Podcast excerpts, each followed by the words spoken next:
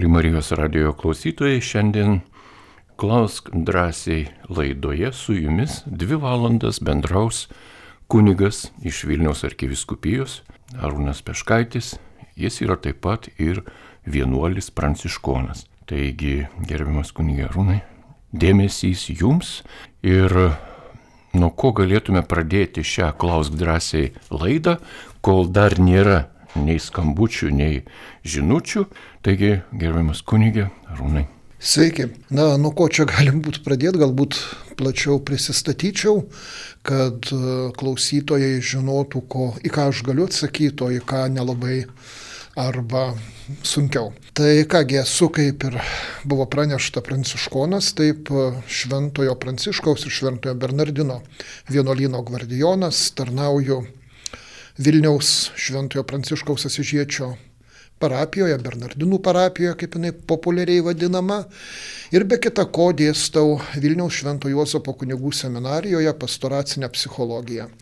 Esu baigęs psichologijos mokslus ir teologijos mokslus, tai toks dvigubas magistras, tai galbūt tom temom aš drąsiausiai kalbėčiau. Ir žinoma, turiu nemažą pastoracinę praktiką su paribių žmonėmis. Tai kalėjime tarnavau su nuteistaisiais iki gyvos galvos 12 metų. E, taip pat, e, žinoma, e, daug jėgų skyriau ir įvairiom kitom pastoracijom, katechumenų ruošimui suaugusiųjų katechumenų, Biblijos grupę vedu. Na ir su kultūros žmonėmis daug dirbu naujo teatro dvasios vadovas esu. Tai tokios mano kvalifikacijos ir domėjimas ir darbo ir misijos rytys. Tai dabar laukiu turbūt klausimo. Taigi klausimas būtų toks. Dievo sūnus susijungė su žemės dukterėmis ir pasirodė milžinai. Čia turbūt yra citata iš pranašų, jo, iš pranašų knygos. Kaip tą suprasti?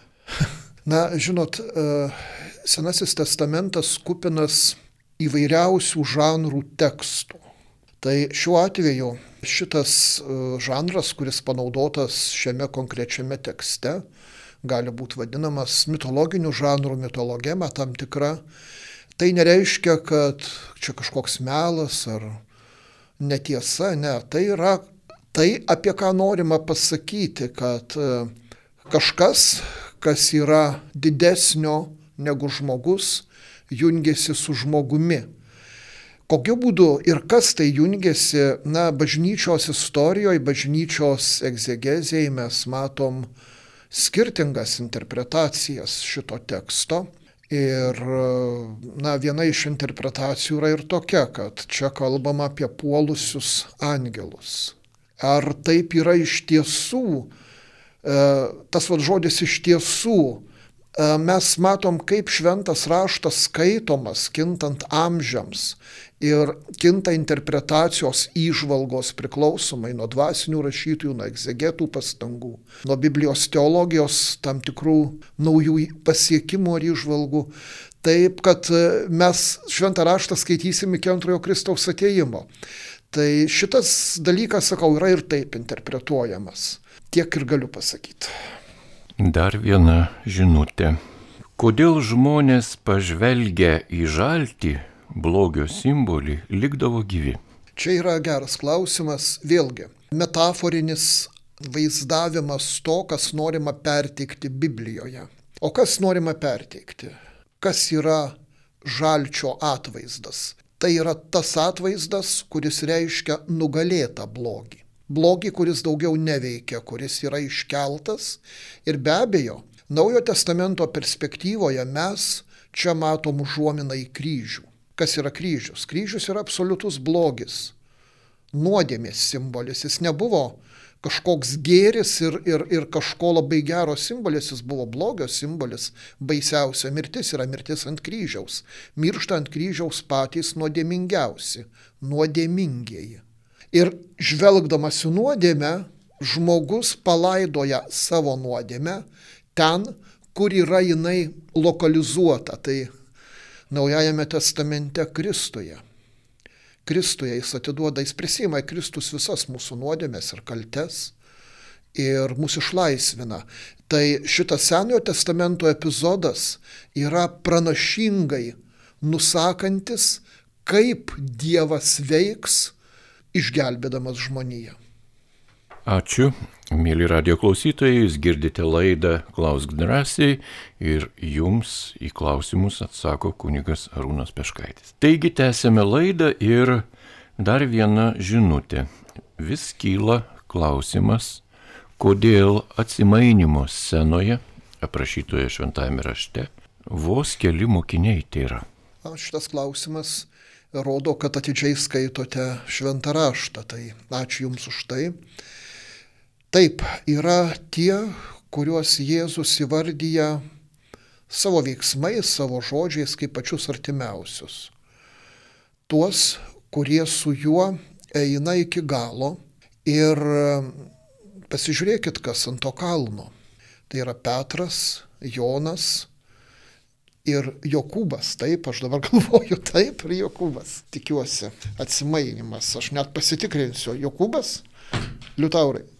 Tikrai nepamenu. Tikrai nepamenu. Matot, kaip negražu. Taip atmintinai viską atrodo, žinai, aš žinau taip lyg atmintinai viską ir, ir kai konkretus klausimas dabar galvoji, ar tik tai nesuklydai. Jeigu busit kantrus, aš tiesiog norėčiau Be... susirasti šitą tekstą. Ramiai ieškokite, Taip. o tuo tarpu aš radio klausytojams jau galiu atsakyti į keletą klausimų, kurie buvo užduoti trumposiomis žinutėmis, jie tikrai nėra adresuoti kunigui Arūnui. Buvo klausima, e, kas tas kunigas, kuris įdomiai vedė laidą apie litanijų maldas. Tai kunigas jėzuitas ir jis atvyksta į Vilnių, labai dažnai su juo galima ir susitikti. E, kunigas jėzuitas Mindaugas Malinauskas. Juo gėrimės ir mes radio studijoje ir su juo dar bus ne viena laida skirta maldos pažinimui. Malda yra krikščionio gyvenime ypatingai svarbus susitikimo su Dievu momentas. Todėl maldą reikia puoselėti, reikia auginti, reikia mokytis melstis, o ne vien tik taip, kaip pamokė, sakykime, mylima močiutė ar mama ar tėvelis. Taigi klausome jūsų. Taigi, matot, kaip užklupot toks suabejojimas, nors turbūt šimtus kartų tą tekstą skaičiau, taip žinoma Jokūbas. Jokūbas, Jonas ir Petras. Kodėl šitie trys? Na, Joną jūs, kaip žinot, Jėzus labai dažnai įvardė mylimiausias mokinys, mylimiausias, kuris prigludęs prie jo krūtinės. Jonas kuris perteikia savo Evangelijoje slėpiningus ir e, mažai girdėtus kitose Evangelijose Jėzaus žodžius. Jonas, kuris žiūri ir seka paskui Petrą sekantį Kristų prisikėlusį. Petras, per, kurio, per kurį ateina prieškimas apie Jėzų Mesiją ir a, Jėzus atsakydamas į tą prieškimą pasako, kad štai aš tau duodu dangaus karalystės raktus ir pastatysiu savo bažnyčią ant tos uolos, Petrus ir yra uola. Na ir Jokūbas yra Jono brolis, taigi labai artimas, labai artimas ir e, savas Jėzuje paštalas. Tai šitos tris, šitos tris, kurie išrinkti, kad pamatytų ir paliūdytų Jėzaus dieviškumo spindesi, jis ir pasirenka. Taip, mes visi esam e, tokioj situacijoje turbūt Jėzus, tikras Dievas ir tikras žmogus, turėjo mylimiausius mokinius, svarbiausius. Ir mūsų santykiuose yra neišvengiamai hierarchija santykių. Jūs žinot šitą, neverta, negalima atstumti nieko, bet turbūt mes negalim pasakyti, kad Jeigu absoliučiai vienodas santykis su kiekvienu ir kiekviena, tai santykio nėra tada. Tęsime toliau ir esame gavę žinutę, ar Marijos nekalto prasidėjimo šventė yra privaloma bažnyčioje. Marijos nekalto prasidėjimo šventė yra privaloma. Šitas toksai, žinot, klausimas privaloma, neprivaloma, turbūt jis reiškia, ar privaloma eiti į bažnyčią ir melstis mišiuose. Ne, dabar tai nėra ta šventė, kuri būtų įpareigojanti žmonės eiti į bažnyčią būtinai, nors aš galvoju šitas pats formulavimas yra truputį įdingas. Šventė niekada negali būti privaloma. Net kalėdos, net Velykos, net sekmadieniai, uh, jinai, me, mes kviečiami į šventę. Kvietimo lygis, žinot, galima taip, aš taip palyginčiau, būna skirtingi kvietimo lygiai. Pavyzdžiui, žmogus mums sako, na, užeik pas mane, kai turėsi laiko. Arba sako, žinai, susitarėm susitikt tokią ir tokią dieną, tokią ir valandą. Arba sako, ateik pas mane į puotą, nes bus mano ypatinga šventė, aš noriu tave matyti puotoje. Tai čia toks palyginimas, kuris man atrodo nušviečia tą privalomumą, neprivalomumą yra bažnyčioje švenčių, kurios kaip puotos. Aš manau, kad Marijos šventės tokios yra. Dalis jų yra neprivalomų, vadinasi, na, čia mes galim ir namuose pasimelsti ir prisiminti, bet e, aš noriu, kad kažkaip suprastume, kad tas privalomumas tai nėra kažkoks įstatyminis e, botagas, kuriuo mums grasina. Tai yra kvietimas. Dar viena žinutė. Vis kyla klausimas, kodėl Paulius toks griežtas ir sako, tebūnie prakeiktas kelis kartus, ar prakeikinėti nėra nuodėmi. Dabar turim suprasti, kad Naujojo testamento tekstai yra nuo mūsų nutolę beveik 2000 metų. Kalba ir kalbos išraiška buvo kitokia. Prakeikimas šiaip e, nuodėmė yra, jei mes prakeikinėjame žmonės į kairę, į dešinę, prakeikinėjame priešus, yra nuodėmė, priešus reikia mylėti, sako Jėzus. Bet e, prakeikimai buvo praktikuojami bažnyčioje. Ir ne tik Pauliaus, ir vėlesnėje bažnyčioje. Dabar seniai be buvo tokie dalykai atsitikę. Ir tie prakeikimai skirti nuodėmiai pirmiausia. Ir nuodėmės arba išdavikui, kuris nuodėmę neša, nes, kaip žinot, kaip žinot ar nežinot, bet antikristas, apie kurį kalbama Biblijoje, rasis iš savųjų. Antikristas negali ateiti iš išorės. Jis buvo tarp mūsų ir, ir, ir, ir po to apsireiškia taip kaip išdavikas.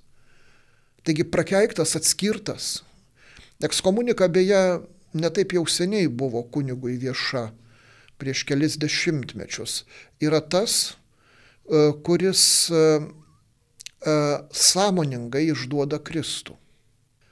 Todėl šitoks prakeikimas, jeigu jis vykdomas bažnyčios, šiuo atveju paštolo Pauliaus, nėra nuodėmi. Atvirkščiai. Žinot, tokie, tokios ekskomunikos arba prakeikimai, jie padeda žmogui susivokti, kad jis peržengė ribas ir duoda jam šansą atgailai. Jeigu mes į viską pasakysime gerai, okei, okay, būk palaimintas, tai ką mes laiminsime žmogaus pražūtį. Nes tiesą sakant, išdavikas, nuodėmės nešėjas, Antikristo dvasios nešėjas yra pats nelaimingiausias žmogus. Kaip ten Jėzus sako, geriau girnų akmenį būtų uždėti ir paskandinti tam, kuris papiktina vieną iš šitų mažutėlių. Dėkojame klausytojams, kad rašote žinutės ir dėja šiuo metu sutriko telefoninio ryšio galimybė pas mus. Nu, aparatūra kartais streikuoja savaip ir negalime atsiliepti, nors girdime, kad jūs skambinate, tai tikimės gal mūsų technikai sutvarkys, o žinutės mes matome ir labai jums dėkojame, kad jūs jas rašote. Taigi dar viena žinutė. Garbėjai Jėzui Kristui rašo klausytojas ir ar sielai po mirties nepakenksime, jeigu sudeginame dabar laidotuvių metu kūnus ir tai darosi labai madinga. Na, mūsų veiksmai šitoje žemėje niekaip negali pakengti sielai, kuri išėjo pas viešpatį. Kada mes atsidurėme viešpaties akivaizdoje, tai yra jo dispozicija, jo palankumas, jo teismas, jo gailestingumas. Ir mums suteikta gale tik padėti, melžiantis už tą žmogų. Taigi bet koks elgesys su kūnu, o tų elgesių būta visokių, anais laikais, senaisiais laikais, kūnai ketvirčiuojami buvo nusikaltelių, bet sielai tai nieko negali pakengti. Siela yra jau Dievo akivaizdo. Ir žinot, aš buvau nustebęs, skaitydamas reformatų teologo Holgerio Laino vieną tekstą, kuriame jis aprašė faktą, apie kurį tiesą tikrai nežinojau, kad Nürnbergo procese, procese, kur buvo teisiami nacistiniai nusikaltėliai, buvo paskirti net du kapelionai. Tai yra vienas liuteronas ir vienas katalikas, nes kai kurie iš nacionalsocialistų buvo kilę iš katalikų, kai kurie, kai kurie iš liuteronų. Na ir buvo aišku žmonių, kurie atsisakė arba sakė, ne, ne, ne, negali priimti. Netgi kažkas iš tų didžiųjų Reicho vadų pasakė, žydo religijos niekada nepriimsiu, bet štai Joachimas von Ribbentropas, tai vienas iš tų didžiausių nacionalsocialistų veikėjų, Trečiojo Reicho užsienio reikalų ministras. Jis buvo nuteistas nu, pakarti ir jis priėmė tikėjimą. Jis į kartų vesėjo gėdodamas. Jo kūnas buvo pakartas, bet aš tikiu, jo siela buvo išgelbėta. Taip kad kūnas, kūn, elgesys su kūnu, žinoma, yra pageidautina, kad jis būtų pagarbus.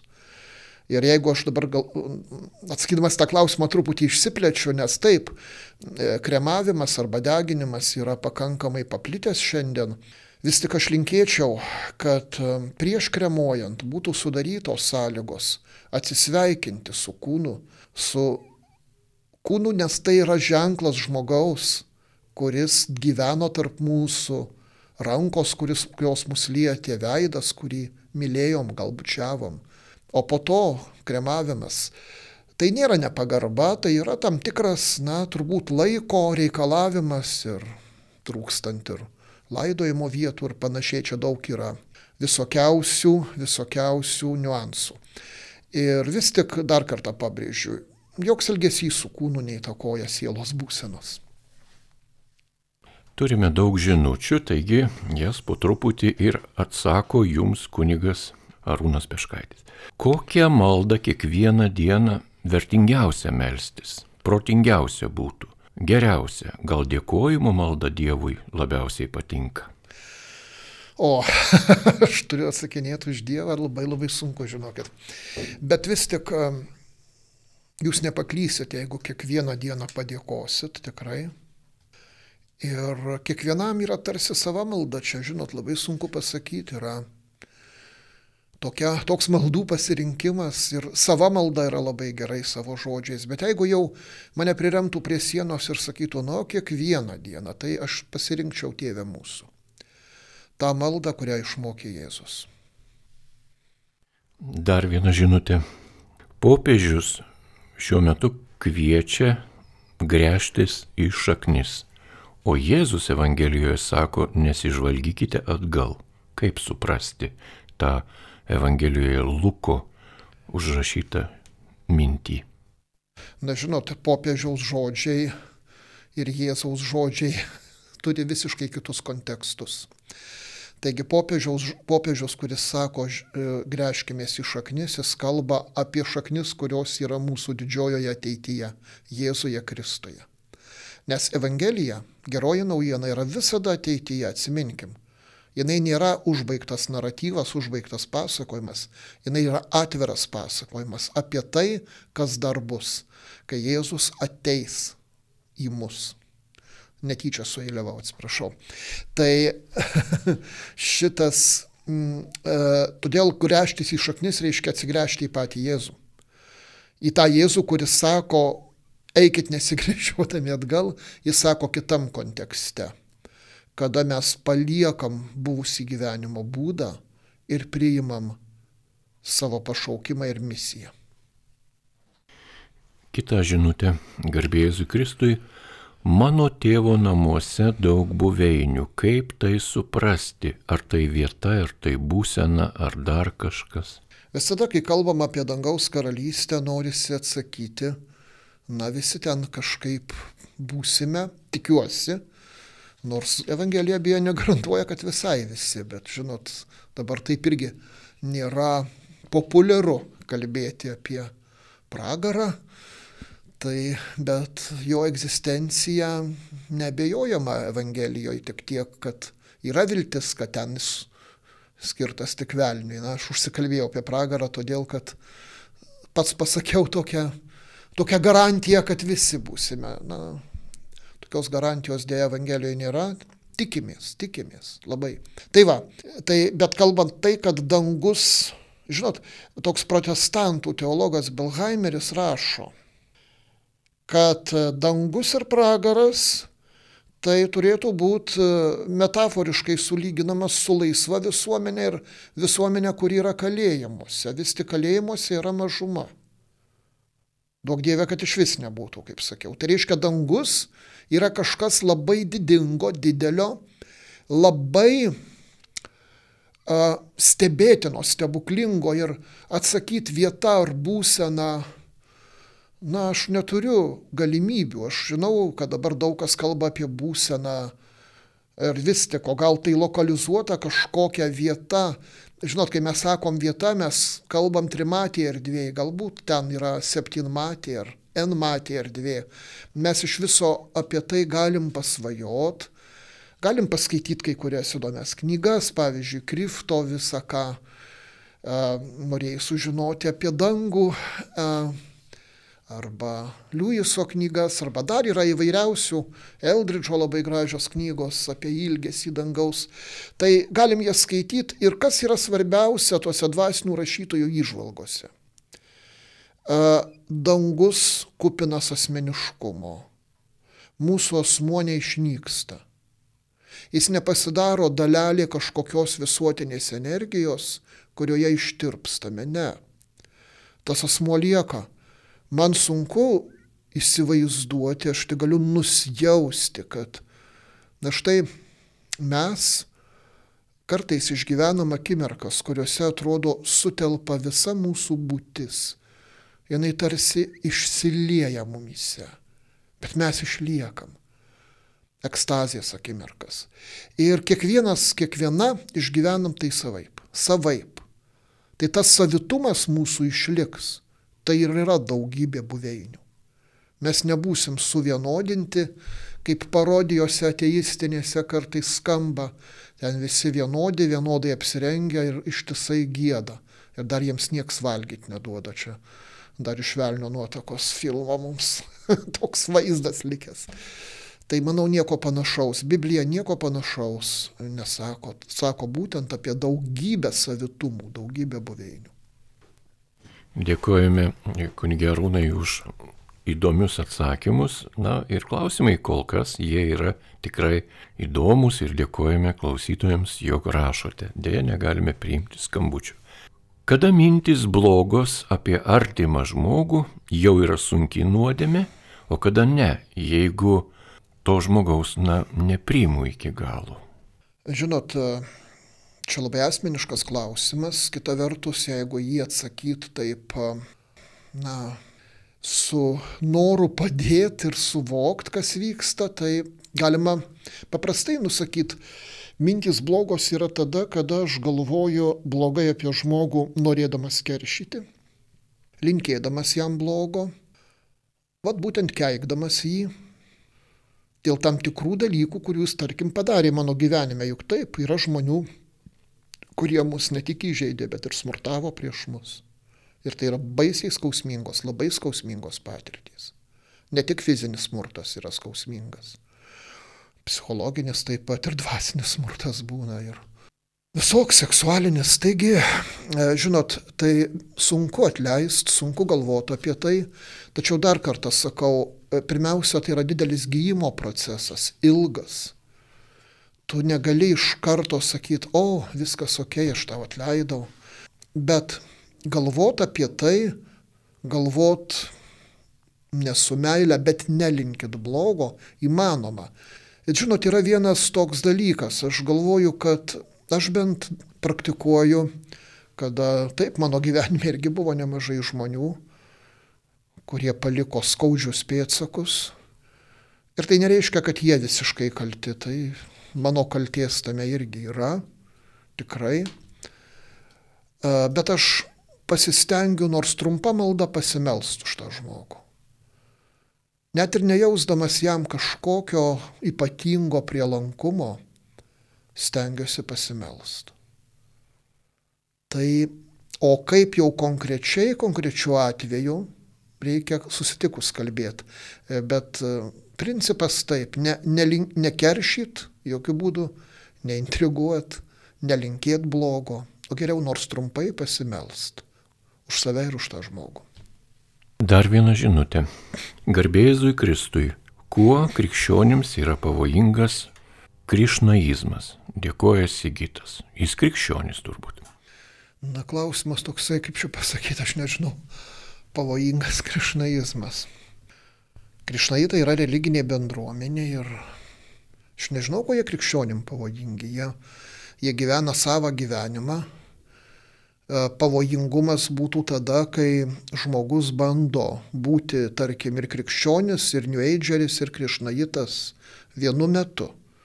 Nu tai yra tikrai pavojinga ir, ir jeigu jau tu išpažįsti Kristų, tai būk malonus išpažink jį ir mylėk. Dabar apie žmonės neišpažįstančius Kristų aš negaliu smerkiamai kalbėti ir sakyti, jie kažkokie pavojingi. Jie tiesiog, mes gerbiam visas religijas. Štai tai yra pabrėžta daugybėje kartų bažnyčioje. O šventoji Teresė Kalkutietė, kurios vat, atvaizdą kaip tik matau studijoje prieš save, jinai pasakė, gerbiu visas religijas, bet esu įsimylėjusi tik vieną.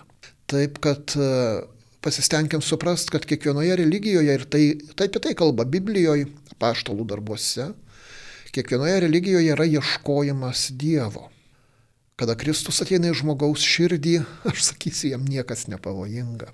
Konkrečiai su krišnaitais aš turėjau nemažai kontaktų.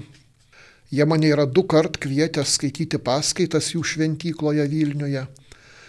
Ir aš jas skaičiau ir neapsikriečiau, žinokit, viskas gerai.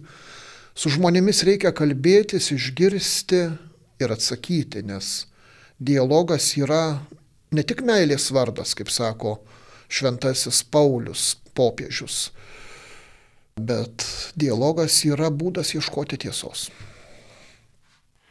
Dar viena žinutė. Klausytojas rašo taip. Labas. Ar popiežius yra šventas? ir kodėl jį kreipiamasi šventas tėve. Ir kita jo klausimo dalis yra, kodėl viešpaties angelas yra malda užmirusius, yragi amžinai atilsi malda. Viešpaties angelas šiaip jau iš tikrųjų nėra malda užmirusius. Tiesiog jinai tradiciškai tapo melžiamasi prie mirusio. Ir tai matyt, su, kaip pasakyti, įtakojo šitą tradiciją tai, kad, kaip jūs atsimenat, Sveika Marija maldoje yra malda, būtent ten yra malda mirti, apie mirties valandą. Taigi amžinai atilsi yra užbaigiama šitas viešpaties angelas, dar būna malda viena iki ir paskui amžinai atilsi. Taip, tai teisus esat ir amžinai atilsi yra malda užmirusius, tačiau tradiciškai mes melžiamės viešpaties angelą Ir aš manau, tai graži ir prasminga tradicija. Na, kalbant apie popiežiaus šventumą.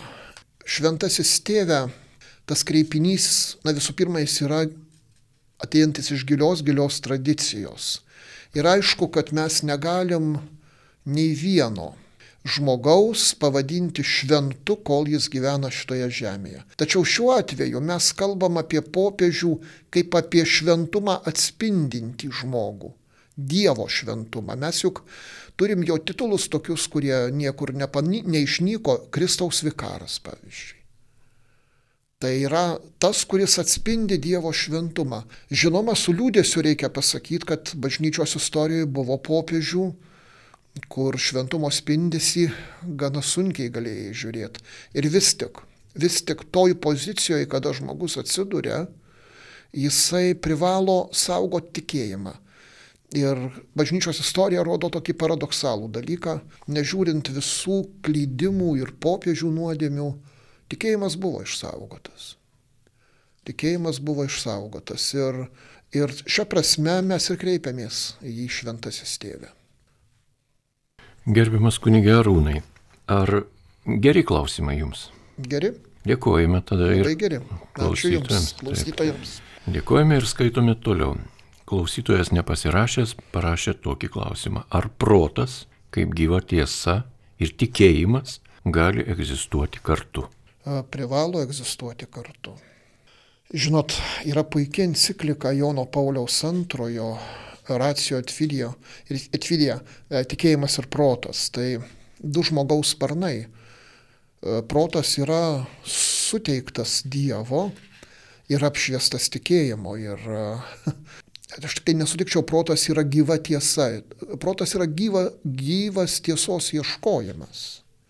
Žinoma, e, protas, kuris išsisukinėja, kuris demagogizuoja, kuris bando pateisinti neteisybės, toks protas yra pasidavęs pagundai. Puikybės pagundai, šietono pagundai arba tiesiog žmogiškam silpnumui. Pavyzdžiui, baimiai. Ir bando nuo tos baimės pasislėpti. Bet šiaip protas yra sukurtas tam, kad būtų kartu su tikėjimu, būtų apšviestas tikėjimo. Ir žinot, jeigu liktų vien tikėjimas ir nebūtų proto, mes nieko negalėtume, net negalėtume skaityti ir suvokti išminties knygų Biblijoje, apie ką jos. Mes turim protą ir dėkojame už jį.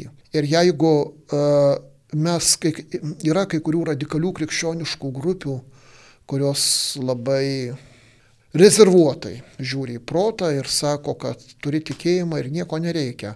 Tai vadinamas fideizmo paklydimas, kada e, norima tikėjimu spręsti problemas, kurias žmogui patikėta spręsti protu paties Dievo. Tęsime jūsų gerbiami radio klausytojai žinučių skaitimą. Jeigu mes patekę dangun žinosime, kad mūsų netikintis giminaičiai bus deginami pragare, ar mums bus malonu? Žinot, Dievas pasirūpins. Aš manau, kad mes ne tik žinotume, bet ir suprastume. Ir dangaus ir pragaro slėpiniai, tikiu, išriškės tada, kai jau mes būsim tenai. Dabar mes galim fantazuoti arba pasitelkti įvaizdžius, kuriuos pažįstam čia žemėje. Bet žinokim, kad jie yra labai tolimi nuo tos dangaus tikrovės, ką nekartą sakė Jėzus.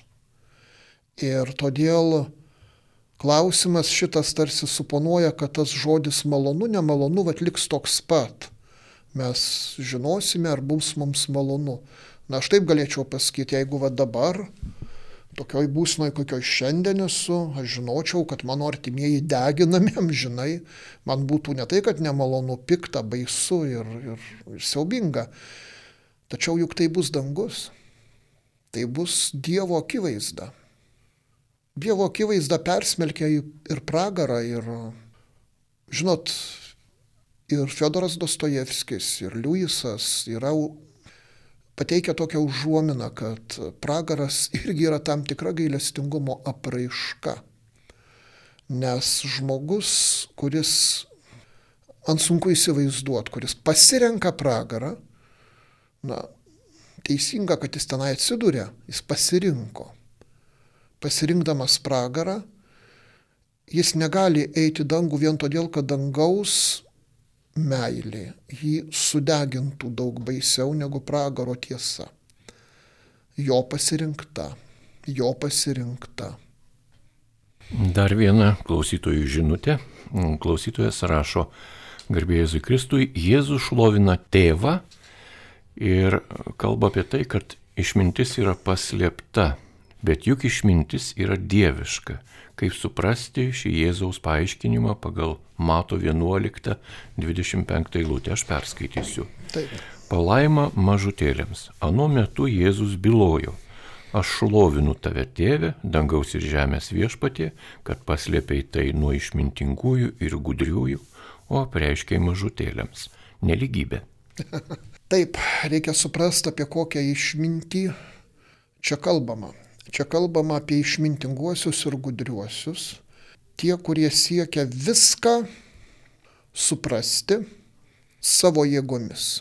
Ir savo jėgas vertina labiau už Dievo pažinimą. Tam, kad būtum pažintas Dievo, tam, kad pažintum Dievą ir priimtum, jį reikia tapti mažutėliu. Reikia priimti apreiškimą. Savo ieškojimai, jo, tavo ieškojimai yra svarbus, bet tada, kai jie tampa tokiais, kur Dievas tuose apmąstymuose yra tik tai vienas iš objektų, tyrinėjimo objektų, taip sakysim. Tai šitokie gudravimai ir išmintys, jie nėra nei išmintys, nei e, tiesos ieškojimo keliai. Tiesą sakant, situacija, kurią čia išsako Jėzus, nepaprastai svarbi yra šiandien. Šiandien sekuliarus žmogus sekuliarus mokslininkas, mąstytojas, jis stengiasi savo protą parodyti kaip galutinę ribą ir pirmiausia, kad žmogus yra savo pakankamas, todėl gali apie viską spręsti. Tai ta žalčio gudrybė yra šiais laikais galioja turbūt labiau negu bet kuriais kitais. Tai būsite kaip dievai. Visada ateina fiasko ir tai rodo kruvini karai, beje labai neblogai, žinot, mūsų ironijos klasikas Juozas Erlickas yra parašęs ir beje labai išmintingai, kad oi žmonės tiek dirbo, tiek stengiasi, ieškojo, keli buvo apsamanoję, kurie nieko nedarė. Nu ir sako, kas, kad tie neapsamanoja kažką darė. Tie apsamanoja ir liko su pagaliais, o neapsamanoja sukūrė žudančias bombas. Tai matot, išmintis, kuri yra be Dievo, gudrioji išmintis, yra išmintis kabutėse. Tai tokia išmintis pragaištinga. Dar viena žinutė. Ar tiesa, kad šventas raštas nuo eros pradžios buvo daug kartų keičiamas pagal bažnyčios poreikį ir buvo keičiami tekstai, kur buvo parašyta žemė yra plokščia? Ne, netiesa. Netiesa, švento rašto kanonas suformuotas ketvirtam amžiui. Nuo to laiko niekas nebuvo keičiama, nebuvo keičiama ir iki to laiko. Tiesiog buvo ne iki galo atskirta, kokie tekstai eina į kanoną ir kokie ne. O kanonas pats yra labai senas, Naujo testamento siekia paštalų laikus, o Senasis testamentas iš viso buvo kuriamas ir redaguojamas tūkstantmečius. Ir, ir galiausiai kanonas, kuris dabar yra, jis niekada bažnyčios nebuvo keičiamas dėl kokių nors priežasčių. Tikrai ne. Dar vienas klausimas apie maldą. Dėkoju. Ar galima kasdien melstį egzortus iš maldaknygės, kai artimajam žmogui yra blogai? Na, jeigu jūs galvojat taip, kad iš tikrųjų tai gera intencija jūsų, Ir e, yra blogai, kad blogai taip, jog, e, na, jūs širdyje jaučiat, jog tokia malda reikalinga, tai kodėl ne? Tik tai aš manau, svarbiausia nepamiršti ir kitų maldų. Kita žinutė. Kas po mirties atsitiks su kitų religijų atstovais? Ir kodėl mūsų Dievas, na, taip parašyta, neleido jiems jį pažinti? Ne, jis ne, ne, neleido, jis atvirkščiai atidarė kelius jo pažinimui ir kad tarsi apgraibomis, kaip Paulius sako, jie jo ieškotų. Visi žmonės ieško Dievo ir Dievas šiandien beldžiasi į visų širdis ir Jėzus skelbiamas visoje žemėje. Tai kas atsitiks, kas atsitiks, sužinosime tenai. Aš tikiu, kad tas žmogus, kuris sąžiningai meldėsi Dievui ir nebuvo priešiškas tiesiog. Jis kiek galėjo, tiek pažino, o kiek negalėjo, nes užaugo kitoj kultūroje, kitoj aplinkoje, nepažino. Na, jis niekaip nebus baudžiamas, žinoma, jis bus sutinkamas su ta absoliučia meile, Ten mes, bus, ten mes pažinsime ir būsime pažinti iki galo. Dar viena žinutė. Ar gali amžinybėn iškeliavę žmonės žinoti vieni kitų likimą, kaip tai yra parašyta Evangelijoje pagal Luką? Ar reikia citatos? Reikėtų. Tai Taip. mes surasim citatą, o šiuo metu Aš galbūt. Nepamenu tokios vietos. Taip, tada pabandykime dar vieną žinutę. Lapkričio 29 dieną Bernardinai LT buvo straipsnis apie pradėjusį gydimą harmoniniais vaistais ir apie įvairius kitus dalykus. Ar harmoniniai vaistai yra susiję su religija? Nelabai supratau klausimą. Hormoniniai vaistai nesusiję su religija. Ir e, tiesiog e, Bernardinai LT rašo įvairiom temom. Bet šitas straipsnis konkretus, kurį jūs turit galvoje, jis buvo kaip diskusija, nes šalia buvo profesoriaus Vaitoško straipsnis apie hormoninių vaistų pragaištingumą lyties keitimo operacijose, taip kad žmogus galėjo pasiskaityti abu tekstus. Taigi kas ten su likimais? Taip, jau radau autentišką nurodytą iš Evangelijos pagal Luką 16-23 eilutė. Taigi 23 eilutėje yra rašoma taip. Atsidūręs pragaro kančiuose, turtuolis pakėlė akis ir iš tolų pamatė Abraomą ir jo prieglopstėjo lozorių. Jis sušuko, tėve Abraomai, pasigailėk manęs, asiūsk čianai lozorių, kad suvilgęs vandenyje galą piršto atvesintų man liežuvį. Aš baisiai kenčiu šitoje liepsnoje. Ir, na, tas klausimas, Taip. ar galime. Pirmiausia, tai yra palyginimas. Jėzus vartoja palyginimą, metaforišką pasakojimą, kuris nebūtinai reiškia, kad vat, taip ir yra. Tiesiog norėdamas paryškinti, kokia praraja atsiranda tarp gailestingumo ir abejingumo. Naudoja šitą palyginimą. Ar iš jo mes galim daryti išvadą, kaip ten bus danguje, kokius likimus mes žinosime? Na, galim pabandyti sakyti taip, turbūt, jeigu jau Jėzus vartoja tą palyginimą, tačiau Vėl aš mėgstu pakartoti tą patį, na mesgi pamatysime tenai. Kartais mes norim sužinoti viską čia, o kaip bus tenai. Bet žinot, čia neužtenka tų savokų, kaipgi ten bus. Aš pavyzdžiui tikiuosi, tikiu, kad taip mes ten turėsim tikrai didžiulį pažinimą apie tai, kas įvyko, kodėl įvyko, su kuo. Ir tas pažinimas reikalingas bus ne dėl smalsumo, dėl to, kad mes pasiektume tą žmogiškojo asmens pilnatvę. Dar viena žinutė. Vėlgi taip pat bus citata iš Evangelijos pagal Morku, o klausytojas klausia, ar Jėzus ir Dievas nėra tas pats asmuo. Štai citata. Jėzus tarė, kam vadini mane geru, niekas nėra geras, tik vienas Dievas. Turima omenyje, kad Jėzus lik ir sako, kad jis nėra geras. Ja, čia geras klausimas ir atsakymas būtų toks. Jėzus nekarta yra kalbėjęs apie tų trijų asmenų vienybę - tėvo, sunaus ir dvasios. Ir vis tik, kad tai yra skirtingi asmenys. O situacija, kurioje jisai ištarė šitą žodį, yra tokia žmogus. Vienas žmogus jį vadina geruoju.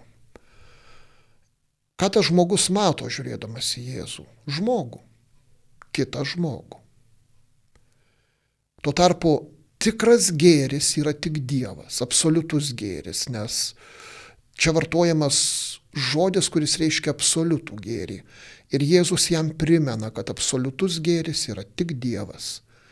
Mes kaip tikime, Jėzus buvo ir tikras Dievas, ir tikras žmogus.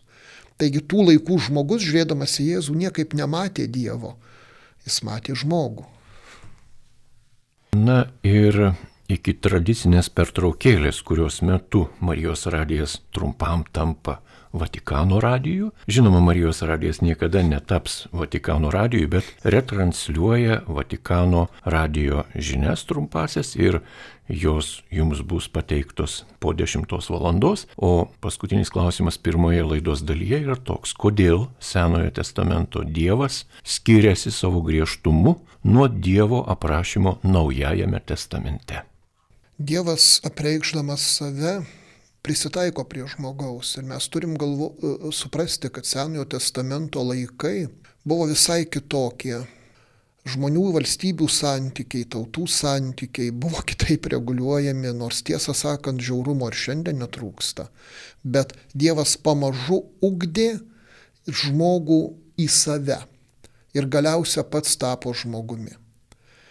Ir mes negalim sakyti, kad Senajame testamente Dievas yra tik tai griežtas? Ne. Skaitykim Senąjį testamentą. Apščiai Dievo gailestingumo. Apščiai pranašystės apie erą, kurioje galiausiai įsiviešpataus Mesijo karalystė. Taigi Senasis ir Naujasis testamentas yra nepertraukiamas pasakojimas, kaip Dievas artėjo į žmogų. E, dėkojame Jums, kunigė Arūnai, už atsakymus į klausimus. Gal Jūs turite kokį klausimą klausytojams? Klausytojams. Aš, žinot, visada auditorijos klausiu, tik aš nežinau, kaip klausytojai atskys tą klausimą. Ar aš suprantamai kalbu? Jeigu nesuprantamai, tai duokit žinių kokių. Tai tikėkime, kad tikrai klausytojai girdi jūsų klausimai ir lauksime atsakymo. Na, o dabar trumpa muzikinė pertraukėlė, po kurios vienas kitas pranešimas ir viena kita gera mintis. Ir tęsime vėl laidą, o dabar trumpam jūs, mėly radio klausytojai, paliekame.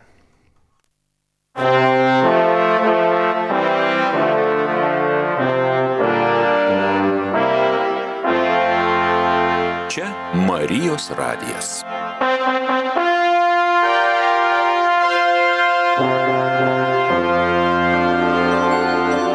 Advento kalendorius. Mintimis dalyjasi brolis Astijus iš Šventojo Pranciškaus Asižiečio vienuolyno. Gruodžio 9 šeštadienis. Kiekvieną šeštadienį mes pagerbėme švenčiausią Dievo motiną mergelę Mariją. Bet čia yra įdomus minėjimas vieno šventojo, apie jį galbūt mes netiek daug žinom, čia daugiau Pietų Amerika, Meksika ir Šiaurės Amerika.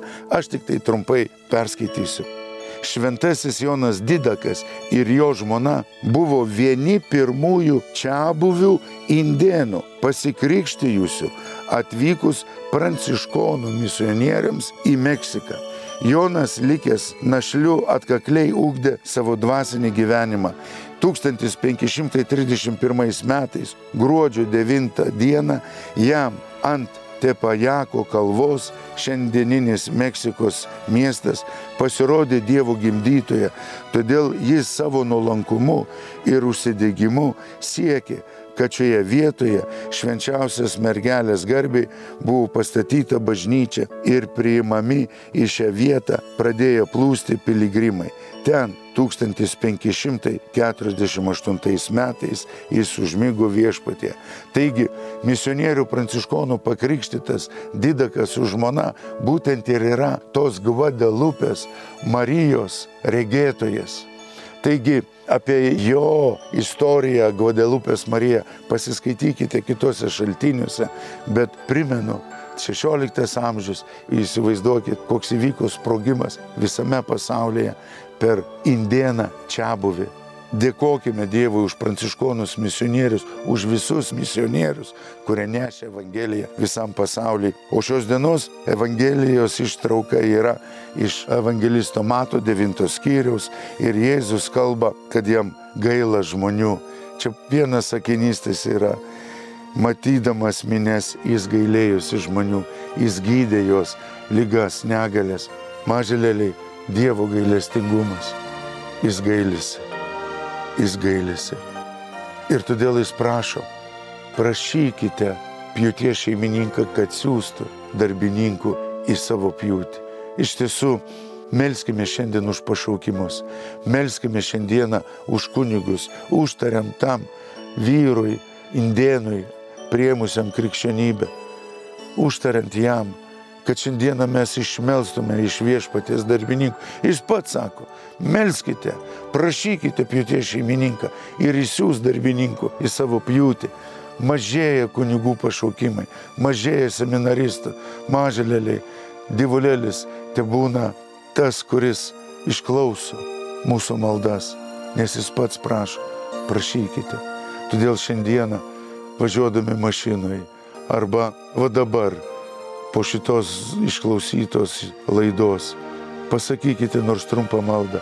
Viešpatie, siūsk šventų kunigų, siūsk mums gerų ganytojų, palaiminto jums šeštadienio ir gražaus advento savaitgalio. Mėly Marijos radio klausytojai, Marijos radijoje tęsiamas marietonas, renkamos aukos Marijos radio išlaikymui. Marietonas atvirų širdžių ir dosnių rankų šventė. Padėkime mergeliai Marijai pagelbėti mums. Tu es grand Dieu saint, loué soit ton nom, tu es grand Dieu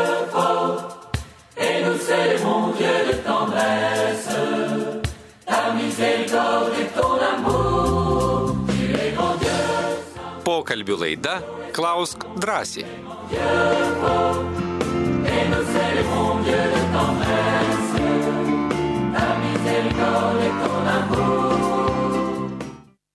Mėly radio klausytojai, tęsėme laidą Klausk drąsiai ir šiandien prie mikrofono jūsų klausimus atsako kunigas Arūnas Peškaitis, pranciškonas. Ir dėkojame klausytojams už supratingumą, kad, na, stengiamės padaryti viską, ką galime, bet ne viskas kartais pavyksta. Yra galimybė labiau pasistengti. Ir šiandien dėkojame Jums, radio klausytojai, kad užduodate tikrai vertus Marijos radio eterio klausimus, nors šiaip klausimų blogų nebūna. Turbūt blogi būna tik atsakymai ir tada žmonėms dar kyla blogesni klausimai. Dėkoju kunigui Arūnui ir tesdami turbūt, gerbimas kunigė, galiu skaityti toliau, taip? Taip be abejo. Taigi, ar netikintieji žmonės turi sielą? Siela turi kiekvienas, absoliučiai kiekvienas ir kiekviena. Ir kaip žinome, kaip tikime, kaip mums skelbia bažnyčia, siela sukūriama pradėjimo momentu. Siela yra formuojanti mus substancija, taip kad siela turi kiekvienas absoliučiai žmogus. Dar vienas iš tokių klasikinių klausimų. Kuo skiriasi krikščionis nuo kataliko? Katalikas irgi yra krikščionis, bet ne visi krikščionys yra katalikai, nes krikščionybės istorijoje dėja buvo skilimų, ne vienas, ir todėl istoriškai atsirado ne tik katalikų bažnyčia visuotinė, bet jinai šalia taip pat ir stačiatikių arba ortodoksų bažnyčios, daug protestantiškų konfesijų, taip krikščionis, savoka krikščionis yra tiesiog platesnė, jinai apima ne tik šiandieninės Romos katalikų bažnyčios narius. Dar vienas iš tokių populiarių klausimų, kurie nuolat atsikartoja, bet jie asmeniniai, aš skaitysiu juos. Garbėzui Kristui esu trijų jau suaugusių vaikų krikšto mama. Su jais nebendrauju, nesusitinku, retai susitinku, negaliu įtakoti jų augimo, ūkdymo, melžiuosi už juos. Ką daryti? Jūs atsakėte savo klausimą melstis. Nes, kaip girdėjau klausime, suaugusių vaikų krikšto mama suaugę vaikai, tai jau yra tie, kurie, na kaip pasakyti, jie nėra mūsų atsakomybėje. Jie yra suaugę. Ir už suaugusius dera melstis, esant reikalui, žinoma, ir nereikalui bendraujamo, bet jeigu nutolstam, na ką čia padarysi. Bandyti reikia, bandyti iš naujo susidraugauti, bet juk tai priklauso ne nuo vieno žmogaus. Dar viena žinutė, nepasirašė klausytojas, ar Dievas gali keisti savo nuomonę. Pavyzdžiui, buvo numatęs, kad mirsiu anksčiau, o dar gyvenu ir taip toliau. Žinot, e, klausimas yra sudėtingas. Dievo valia ir mano valia. Aš nemanau, aš tai nemanau, kad Dievas kažkokiu būdu mums, supra, mums suprantamu būdu yra numatęs mūsų mirties datą. Mums nesuprantamų būdų turbūt numatęs, bet vat, aš paaiškinsiu, ką aš turiu galvoje. Todėl, kad Dievo valia apima vėlgi daugybę dimensijų, išmatavimų, daugybę matymų ir galimybių. Dievo valia leidžia reikštis ir mūsų valiai. Kaip tos valios susitinka, kokiu būdu. Pavyzdžiui, kokiu būdu mes reaguojame į savo kūno alarmo ženklus. Turbūt sutiksit, kad jeigu reaguojame vienaip gyvensim, jeigu nereaguojame, gyvensim kitaip ir ko gero trumpiau. Taip kad čia yra sudėtingas klausimas Dievo valios ir mano valios susikirtimas. Aš žinau, kad Dievas sukūrė mane su laisva valia. Kita vertus, Dievo valia yra nesąlygota, mano sąlygota. Ir todėl, ar Dievas gali keisti savo nuomonę? Mes galim įvairiai pažinti jo nuomonę. Ir Senas testamentas yra kupinas tokių išsireiškimų. Aš jų pasigailėjau, tarsi pakeičiau nuomonę. Ar ne? Ir tai priklauso nuo žmogaus veiksmų. Na, turbūt vienas įspūdingiausių pavyzdžių yra Jonos knyga, kada Ninevėje Dievas pasigaili to miesto, kuris atgailauja. Ir e, taigi mes matom Dievo ir žmogaus santyki. Teologai sako, absoliučių požiūrių, absoliučių. Dievo valia yra absoliuti. Tačiau mes ją pažįstam santykyje.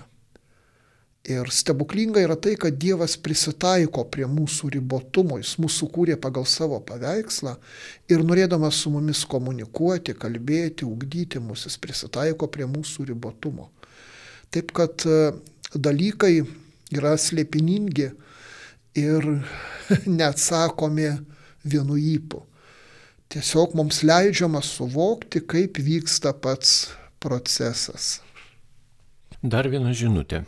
Jeigu katalikas ekumenizmo vedinas eina sakramentų į kitas bažnyčias, į kitas konfesijas, šventovės, nes Dievasgi visur yra, Kodėl klebonas sako, kad tai negerai, juk tuom nieko blogo nepadarau, tik draugauju su kitaminčiais.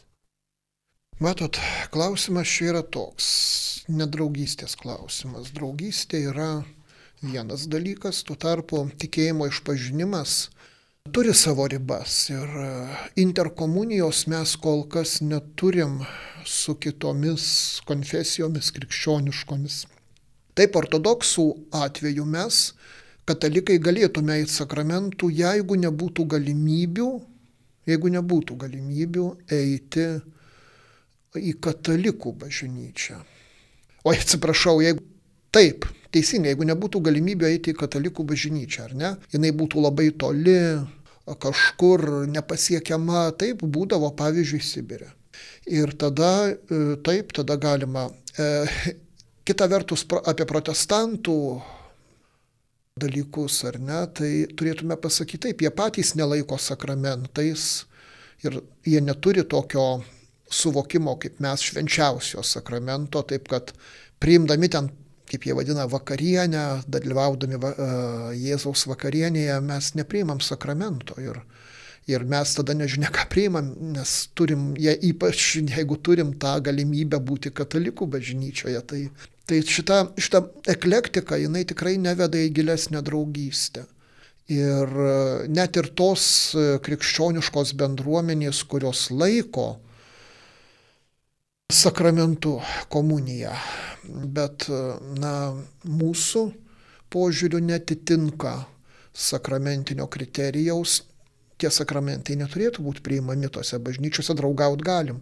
Tarkim, naujoje paštalų bažnyčia jie laiko sakramentu, bet mes to negalim, na, savo sąžinėje pasakyti, okei, okay, ne. Dar viena žinutė. Ar Dievas gyvena bažnyčiose ar žmonių širdyse? Ir ar Dievui yra reikalinga mūsų siela ar prašmatnus ritualai?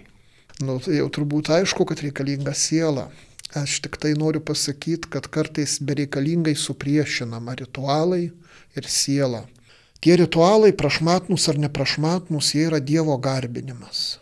Ir tame dalyvauja mūsų siela, be abejo. Ir klausime slypi turbūt ta mūsų laikų e, toks, tokia abejonė. Aš galiu Dievą turėti savo širdyje, bet aš neinu į bažnyčią. Į bažnyčią nereikia eiti, bažnyčioje reikia būti. Pati bažnyčia yra Kristaus kūnas. Jeigu mes joje būname, mums neiškyla klausimų, kur Dievas gyvena. Dievas visur šiaip jau. Bet Dievas nori, kad mes ateitume į pasimatymą. Žinot, buvo tokia labai labai populiari daina, kurią dabar daugybė atlikėjų yra perdainavę, tu ateik į pasimatymą. Tai vad Jėzus mums sako, na ateik į pasimatymą. Mėly radio klausytojai, primename, jog jūs girdite laidą Klausk drąsiai ir šį kartą laidoje į jūsų klausimus atsako kunigas Arūnas Peškaitis. Jam klausimus skaito Liutauras Serapinas ir dar vieną žinutę. Garbėzui Kristui noriu pasidomėti. Pagal katalikų tikėjimą prieimus santokos sakramentą, kokia yra žmonos pareiga būti vyrui. Dėkoja Gedas. Tai pasirašė. Aš atsiprašau, dar kartą pakartosiu. Kokia pareiga yra žmonos prieimus sakramentą, kokia pareiga žmonos būti vyrui. Tai prašo gedas. Prisipažinsiu, nelabai suprantu klausimą. Tai tokiu atveju e, galime kitą. Tiesiog e, gal pabandysiu tik pasakyti, kad žmonos ir vyro pareigos abipusės yra pakankamai gerai aprašytos Biblijoje, Paštlo Pauliaus laiškuose. Tęsėme laidą. Dar viena žinutė. Artėja Jėzaus Kristaus gimtadienis. Kaip švesti savo artimųjų e, ir, ar, ir šeimos aplinkoje, kad patiktų Kristui ir artimiesiems. Oi, kad patiktų Kristui ir artimiesiems.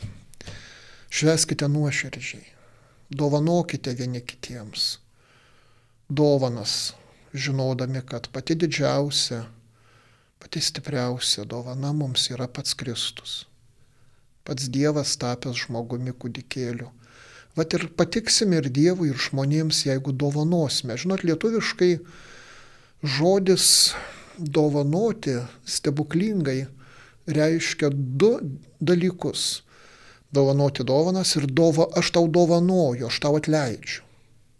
Tai va dar vienas svarbus dėmo - atleiskite vieni kitiems.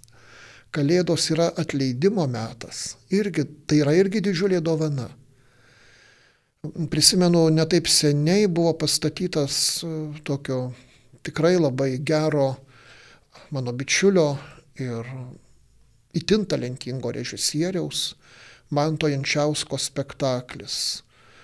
Beje, kai jis kūrė šį spektaklį, jis atėjo pas mane pasikonsultuoti, taip mes ir susipažinom ir paskui labai artimai. Tai buvo spektaklis Laimės Respublika. Pirma spektaklio dalis yra apie Kalėdas. Apie tai, kaip švenčiamos Kalėdos šeimoje, kuri pilna neapykantos, kupina baisių kaltinimų vieni kitiems ir šventės šeimininkė visai bando tai užglaistyti ir padaryti kalėdinę šventę. Ir nieko nesigauna. Venkim, venkim likti neapykantoje. Adventas yra laikas, kada galim iš jos išeiti. Dėkojame už labai gražų patarimą, gerą patarimą. Geri patarimai nėra lengvi ir sekti patarimu ne kiekvienam pavyks, bet nepraraskim vilties. Dar vienas klausimas. Kaip pajausti Dievo valią? Kaip jūs, gerbiamas kunigė Arūnai, pajaučiate Dievo valią? Oh, suprantat, aš galvoju, kad pirmas pajautimas Dievo valios yra pastanga sąžiningai gyventi. Ir ta sąžinė turi būti nuolat ugdoma. Mums paliktas Dievo žodis - Biblija. Mes turim puikų didžiulį bažnyčios katekizmą, kur išdėstas jos mokymas. Tai yra mūsų patikra, sąžinės patikra, kiek mes atitinkame, mūsų gyvenimas atitinka Dievo valią. Ir tai yra svarbiausia. Kartais žmonės nori sužinoti Dievo valią net smulkmenuose. O tos smulkmenos gali būti man pirkti šitą sofą ar nepirkti. Kokia čia Dievo valia. Viena protinga moteris prieš daug, daug dešimtmečių man yra pasakius, žinai, kokia yra Dievo valia, nedaryk nuodėmių ir mylėk artimą savo. Viskas. O ką tu pirksi, kur tu dirbsi, visa tai iš tikro antrailiai dalykai. Dar Dievo valia be abejo yra pašaukimas į šventumą. Tai yra bendras mums visiems pašaukimas. Kaip jis realizuojamas per šeimą ar gyvenant skaiščiai, celibatė ar kitaip Čia jau yra klausimas, kur čia Dievo valia mano gyvenimui, kaip aš atpažįstu, kaip aš atpažinau, galima klausti. Aš atpažįstu kiekvieną dieną, kalbėdamasi su žmonėmis, skaitydamas šventą raštą ir melzdamasis. Iš tikrųjų, šitie trys dalykai. Visada va taip į mane ateina Dievo valia. Aš su ja susitinku ir labai labai labai retai keli įvykiai mano gyvenime buvo, kur aš manau, aš taip manau, kad Dievo valia man buvo priekšta per tokį mistinį gal patyrimą arba tokį labai ypatingą sapną, bet aš pabrėžiu, tai buvo, tai buvo labai nedaug įvykių, tai nenorėkim, kad Dievas mums kalbėtų mobiliu telefonu kiekvieną dieną. Bet mes visada, dar kartą pabrėžiu, turim šalia žmonės, beje, nebūtinai draugus, nebūtinai krikščionis, nebūtinai malonius. Nes įvairūs žmonės mus mokina ir moko preikšti Dievo valią. Moko pažinti, atsiprašau, Dievo valią. Turim šventą raštą, turim bažnyčios mokymą, turim puikius pagalbininkus, kad suprastume, ko iš mūsų nori Dievas iš tiesų. Nes Dievo valia kartais, na, jinai suprantat, jinai yra apreiškiama ne vienu įpu, bet pamažu tave kalbinant ir tau kalbantis ir klausant. Neužmirškim maldos. O maldoje nėra vien tik kalbėjimas, bet ir klausimas, išgirdimas. Aš, na, turiu praktiką, kuri man atrodo, man jinai labai vaisinga galiu ir jum pasakyti. Sakoma apie sąžinės apyskaitą kiekvieną vakarą, nu toks buhalterinis terminas. Man labiau patinka, nu, man atrodo vaisingiau tiesiog. Kiekvieną vakarą pagalvot, už ką aš galiu padėkoti Dievui. Ne šiaip abstrakčiai, bet labai konkrečiai. Ir ypač už tuos dalykus, kurie man nebuvo malonūs, bet jie mane kažko išmokė. Per tai irgi ateina Dievo valios pažinimas. Dar vieną žinutę ją pasirašė Richardas iš Vilniaus. Garbėjusui Kristui, negi pakanka pragyventi žemėje kokius dešimt ar šimtą metelių ir tuomet pateksime staiga po kūno mirties kažkur ten amžinybėn, kur viską sužinosime, net pažinsime Dievą ir viskas sustos į savo vietas ir nieko nebereikės veikti. Pakanka. Žemės laikas, žinot, yra ne vienpusis. Mes įpratę sakyti, kad tai linijinis laikas, jis toks ir yra. Kita vertus, tame laike, tame chronos, toj chronologijoje, glūdi kitas kairos laikas. Šventas laikas, kuris neturi išmatavimų ir kuriam nesvarbu amžius. Tas kairos gali ateiti įvairiose gyvenimo situacijose ir tai yra mūsų ugdantis laikas jis turi amžinybės aromatą. Tai va, taip kad užtenka to, ką mes čia išgyvename, kad susitiktume Dievą amžinybėje. Ar amžinybė bus tokia, kaip čia viskas savo vietose ir e, nieko neveikti? tikrai nemanau, tikrai nemanau. Mes žinom, kad įvairūs šventieji įvairiose epochose kalbėjo visai kitaip ir matė amžinybę visiškai kitaip. Tarkim, švenčiausio veido ir kūdikėlio Jėzaus Teresė, jinai kalbėjo apie tai, kad jos misija tik prasidės, kai ji bus danguje. Ir tą iš tikrųjų mes pamatėme ir matome iki šiol. Šventoji Teresė Kalkutietė yra pasakius, o mane tai niekas neras danguje, nes aš ir toliau žemėje ieškosiu paklydusių ir nupuolusių.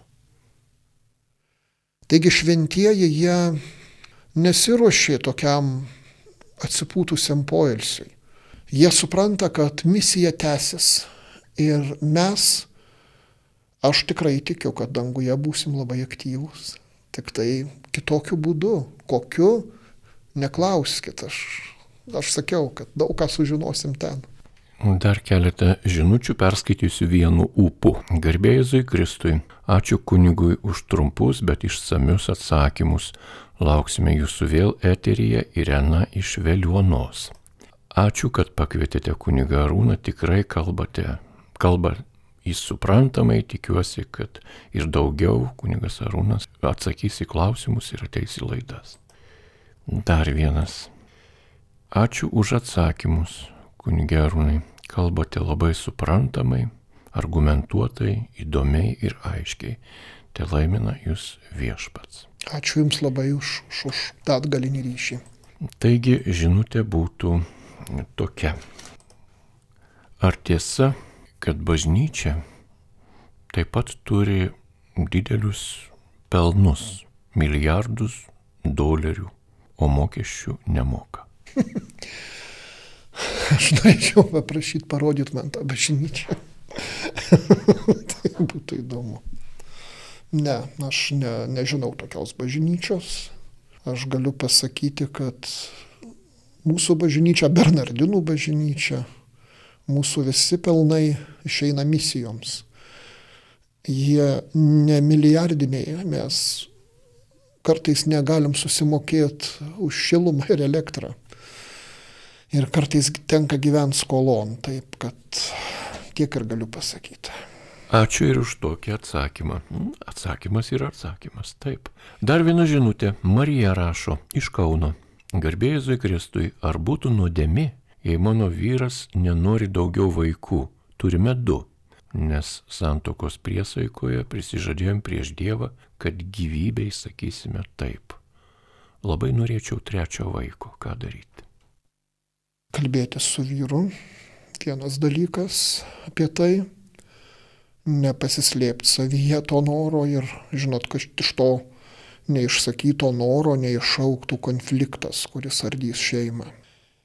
Ir pažįstu keletą šeimų, kurios ne tai, kad aš nenoriu pasakyti to grubaus termino, užsima natūraliu planavimu, neužsima, gyvena natūraliu planavimu gyvena pagal tą ritmą. Tai yra gyvenimo būdas.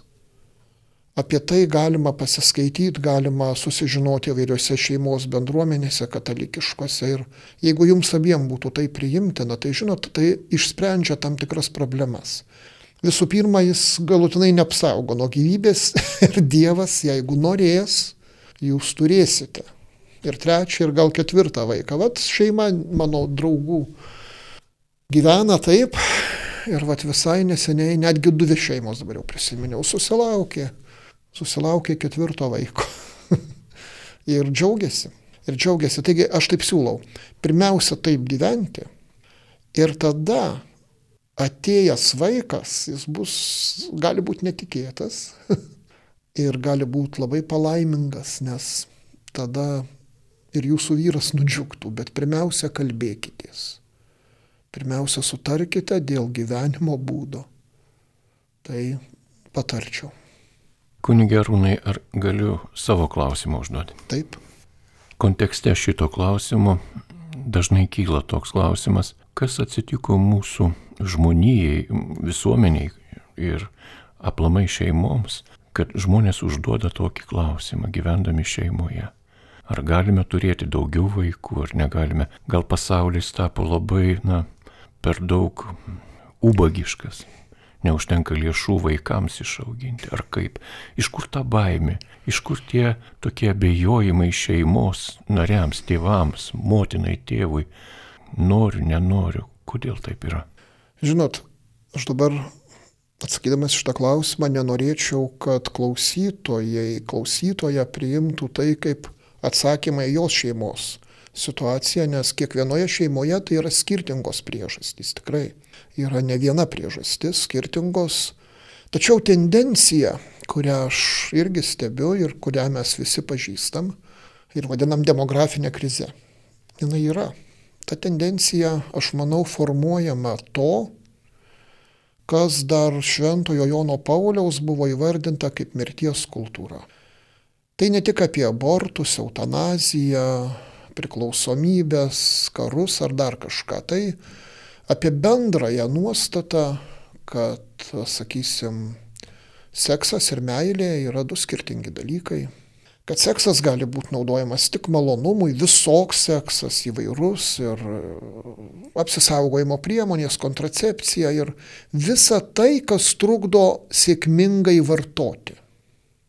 Aš kartais su nuostaba klausau, kiek daug skiriama radio laidose, būtent radio laidose, aišku, radio laidose sekuliariuose, kiek daug dėmesio skiriama, kaip turint vaikus nesusigadinti karjeros.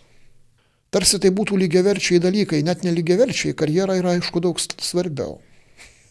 Arba, jeigu mes pastebėsim tiesiog to, iš tokio tyrėjo pozicijų reklamas, reklamos orientuotos į vartotoją, kuris dažniausiai nėra šeimos žmogus. Tai yra tas, kuris gali keliauti, pirkti ir, ir toliau varyti kažkur. Taip kad šeima tapo labai nemadingas reikalas. Mes juk žinom, kad šeimos sukūrimo amžius, kada žmonės tuokėsi, jis vis auga. Ir vakarų Europoje pasiekęs jau 40 metų ribą. Tai riba, kada moteris gali geriausiu atveju pagimdyti vieną vaiką ir tai dar klausimas. Tai žinot, tai vat, atsakymas, mano tai būtų toks. Čia yra tendencija, kuri reiškiasi įvairiais būdais įvairiose šeimose. Labai liūdna tendencija. Mes kalbam apie migrantus. Ir apie tai, kad migrantai uh, užims Europą ir vargšai, ir mes jau vargšai būsim išstumti. Ir teisingai padarys. Nes jie susilaukia vaikų. Žinot, mes migrantus turim priimti ir, kaip sako popiežius Pranciškus, priimti ir mylėti ir integruoti. Bet kaip mes juos integruosim, kaip mes juos mylėsim, jeigu mes nemylim savo namų? Jeigu mes nekuriam savo vaikų, jeigu mes patys negimdom vaikų? Jeigu mes neturim šeimos, įsivaizduokit, aš priimu svečią, bet sakau, ai čia, žinai, ta, tie mano namai toks perinamas bendrabutis. tai čia yra problema, tendencijose. Dar viena žinutė. Garbė Jėzui Kristui. Kaip būti tiesoje? Kaip suprasti, kad einu tiesos keliu? Kaip patartumėte bendrauti su tais, kurie kas kart sutikus negatyviai krauna asmeninius rūpešius ant galvos? Ar būti krikščionišku galima ir apsiriboti nuo tokios bendrystės? Čia keli klausimai ir sudėtingi klausimai, kalbant apie tiesą. Vėlgi šventasis Jonas Paulius II labai mėgo vieną evangelinį žodį. Nebijok. Nebijok būti tiesoje. O kaip būti tiesoje, žinome dekalogą, žinome šventą raštą. Pažįstame savo sąžinę, jeigu esam įsiklausantis. Būti tiesoje turim galimybę. Tikrai. Yra žmonių, kurie mus gazdina.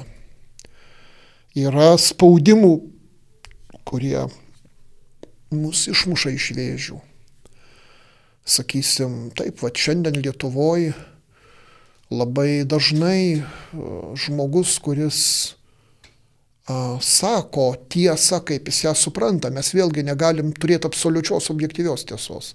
E, mes einame į tiesą, ieškome tiesos. Ir jis pasako negirdėtą, nemadingą nuomonę, kažkokią, kuri prieštarauja bendrai tendencijai, jis iš karto apšaukiamas. Nelojaliu, netgi Rusijos agentų, tuo, kuris tarnauja priešui, na, tų epitetų pilna.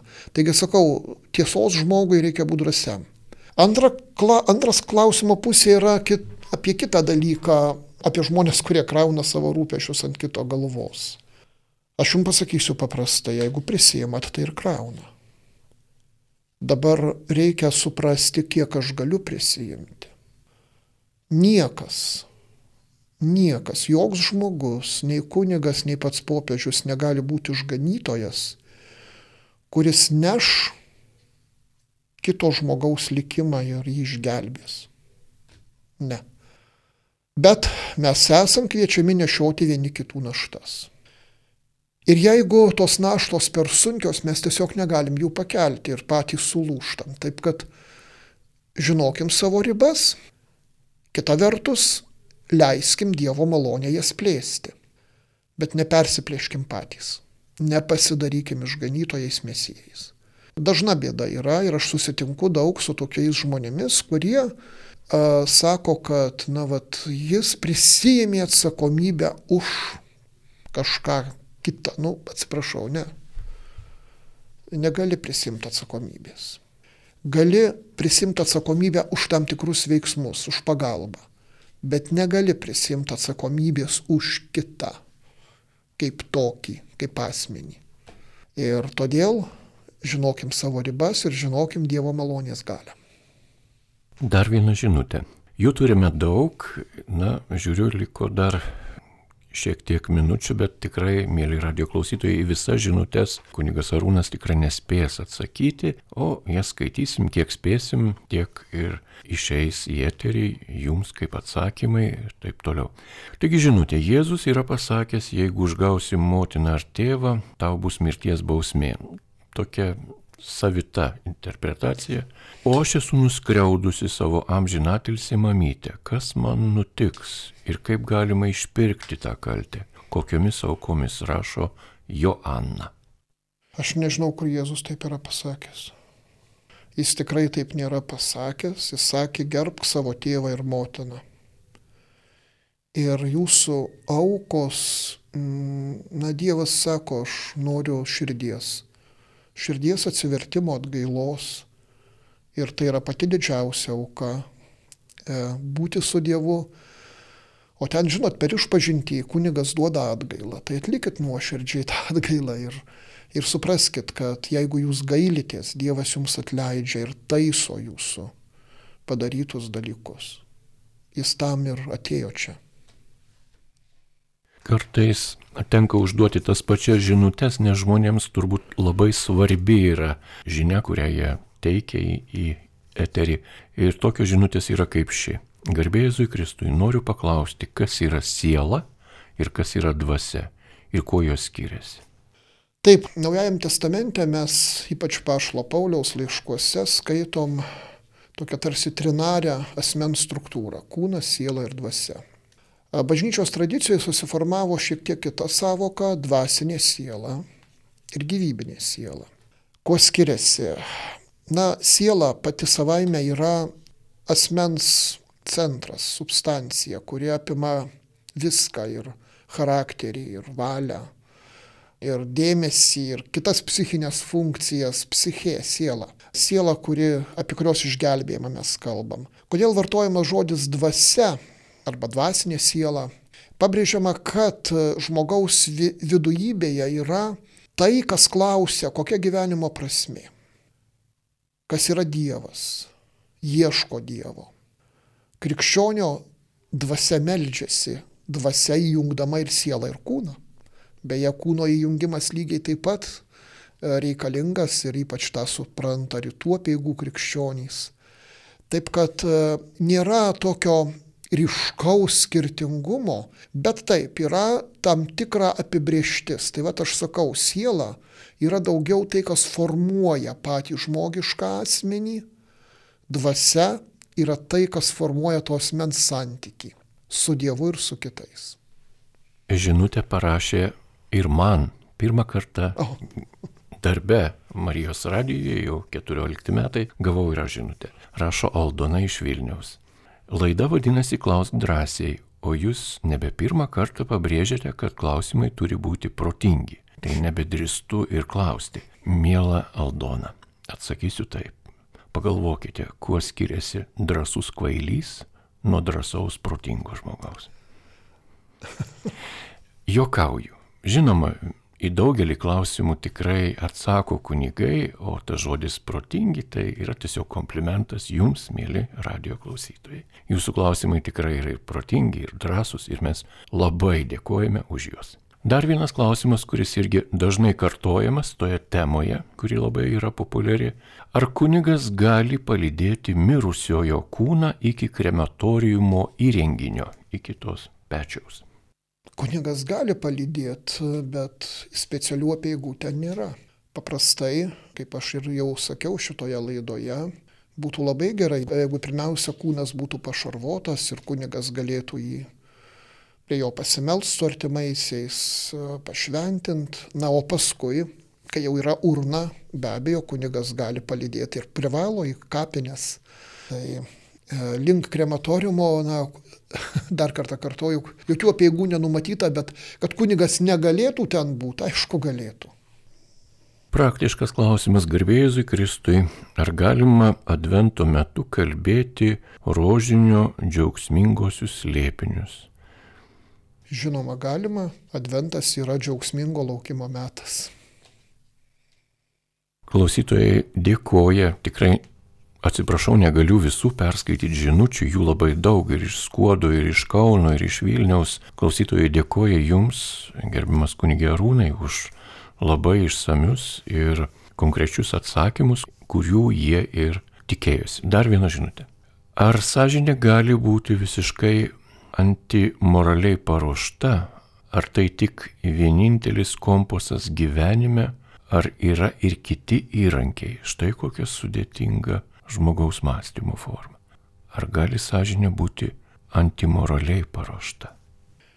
Pirmiausia, klausytojai, dėkoju Jums labai už įdėmų klausimą. Tai jaučiasi ir, ir, ir dialogas tada gaunasi tikrai labai puikus. Ačiū Jums labai. Na, o klausimas tikrai nelengvas. Moralinėje teologijoje yra išskiriamos daugelis sąžinės rūšių, taip galima sakyti. Tos rūšys tai priklauso nuo to, kaip mes dirbame su savo sąžinė, kiek esame atviri, kiek ugdome sąžinę. Gali būti užmigusi sąžinė. Taip gali būti sąžinė labai sužeista vyraujančios kultūros, sužeista struktūrinių nuodėmių, kurias priima kaip realybę ir, ir e, neklausia ir neklauso sąžinės. Taip, atsakyčiau, kad sąžinė gali būti labai sužeista, kita vertus jinai gali būti ugdoma. Ir e, ar tai vienintelis kompasas? Matot, sąžinė nėra uždaras kažkoks dalykas, o visada procese su tuo, kas yra kitur, kas yra aplinkoje, kas yra šalia. Tai ir vadinama sąžinės sugdymu. Jeigu žmogus atviras, atvira širdim klausia ir ieško tiesos, jo sąžinė ugdos. Jeigu jisai pasako, ai man užtenka, aš gyvenu savo savo gyvenimą, bet beje labai pavojingas kartais būna pasakymas, aš e, neinu į bažnyčią, aš neturiu nieko bendro su krikščionybė, bet Dievas gyvena mano širdyje. Tas Dievas tampa toks kišeninis kad aš dažnai pasiūlau, tai tu išleiski iš savo širdies, jisai didesnis už tavo širdį. Malda taip pat ugdo sąžinę, labai ugdo. Švento rašto skaitimas. Įrankiai ugdyti sąžinę yra. Kiek ta sąžinė sužeista arba kiek žmogus nori ją ugdyti, čia kitas klausimas. Dar viena žinutė. Kokiame amžyje žydų dievas Jahve staiga tapo mūsų dievu? Ir ar nepakanka turėti Dievą širdyje be ėjimo į bažnyčią ir rėmimo visokių ritualų? Tai vad visai nesiniai atsakiau, va tik į tą klausimą. Išleiskit Dievą iš savo širdies ir padarykit jį savo širdyje Dievu, kuris kuria jūsų širdį. Dievas Jahvė tai yra viešpats. Jis visada buvo visų Dievas.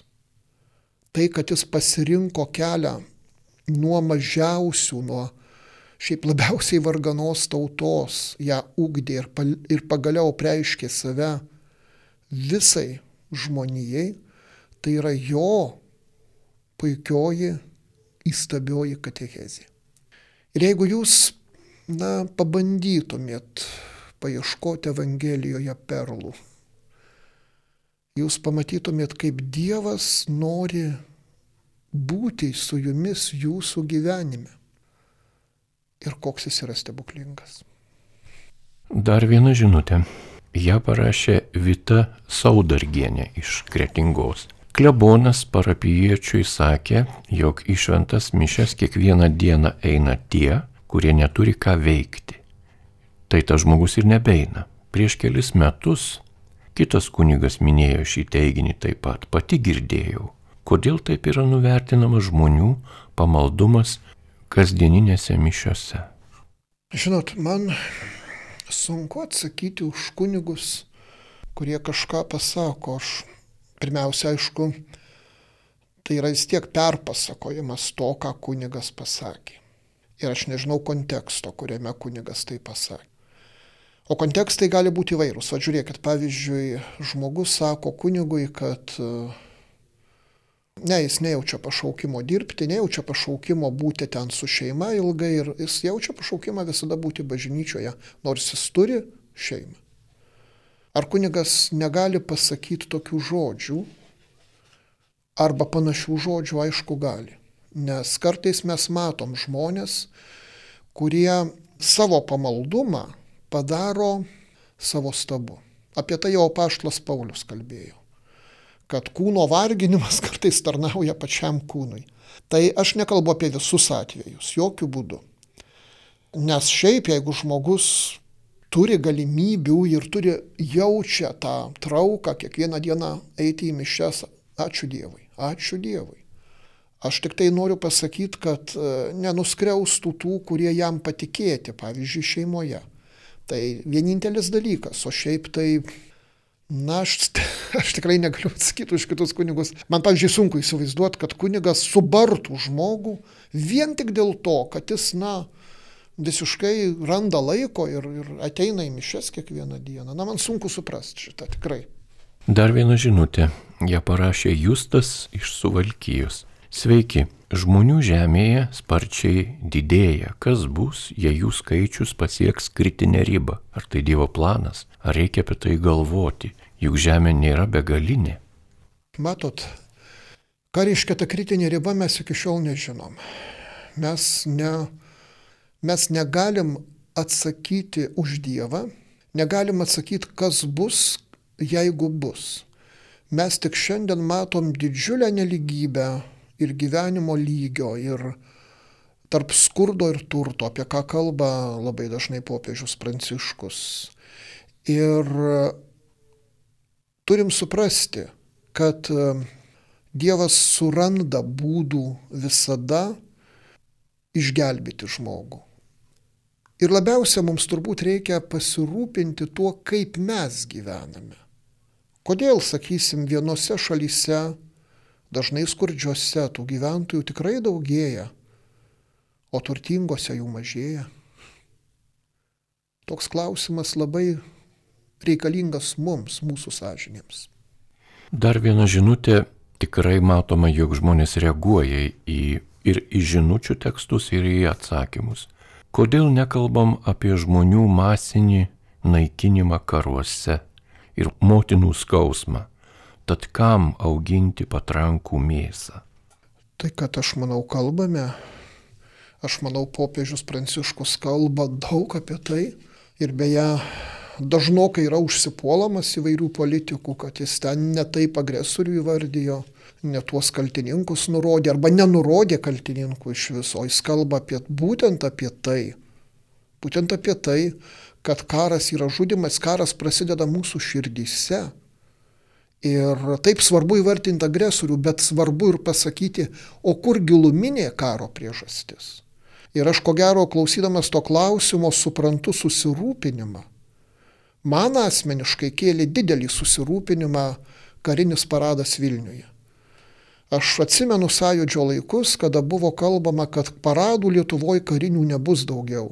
Mums nereikia net ir, reiškia, bet, ko, bet kokią formą valstybės, kokia bebūtų, e, karinės jėgos demonstravimas yra nereikalingas. Šiandien jis kažkodėl vėl reikalingas. Ir e, man tai baisu, aš, aš manau, kad Ačiū Dievui, kad mes dar neturim karo, bet karas yra baisus dalykas. Ir dažnai e, politikai nusiteikia šovinistiškai, patriotizmų grindžia karo beveik būtinumą ir tą menamos ar esamos jėgos demonstravimą. O taip, dažnai, žinote, aš tikėjau, girdėjau tokį posakį neseniai. Karas sukelia visada politikai, bet kariauja paprasti kareiviukai. Žmonės, kurie žūsta ir kurių nebeprikelsi.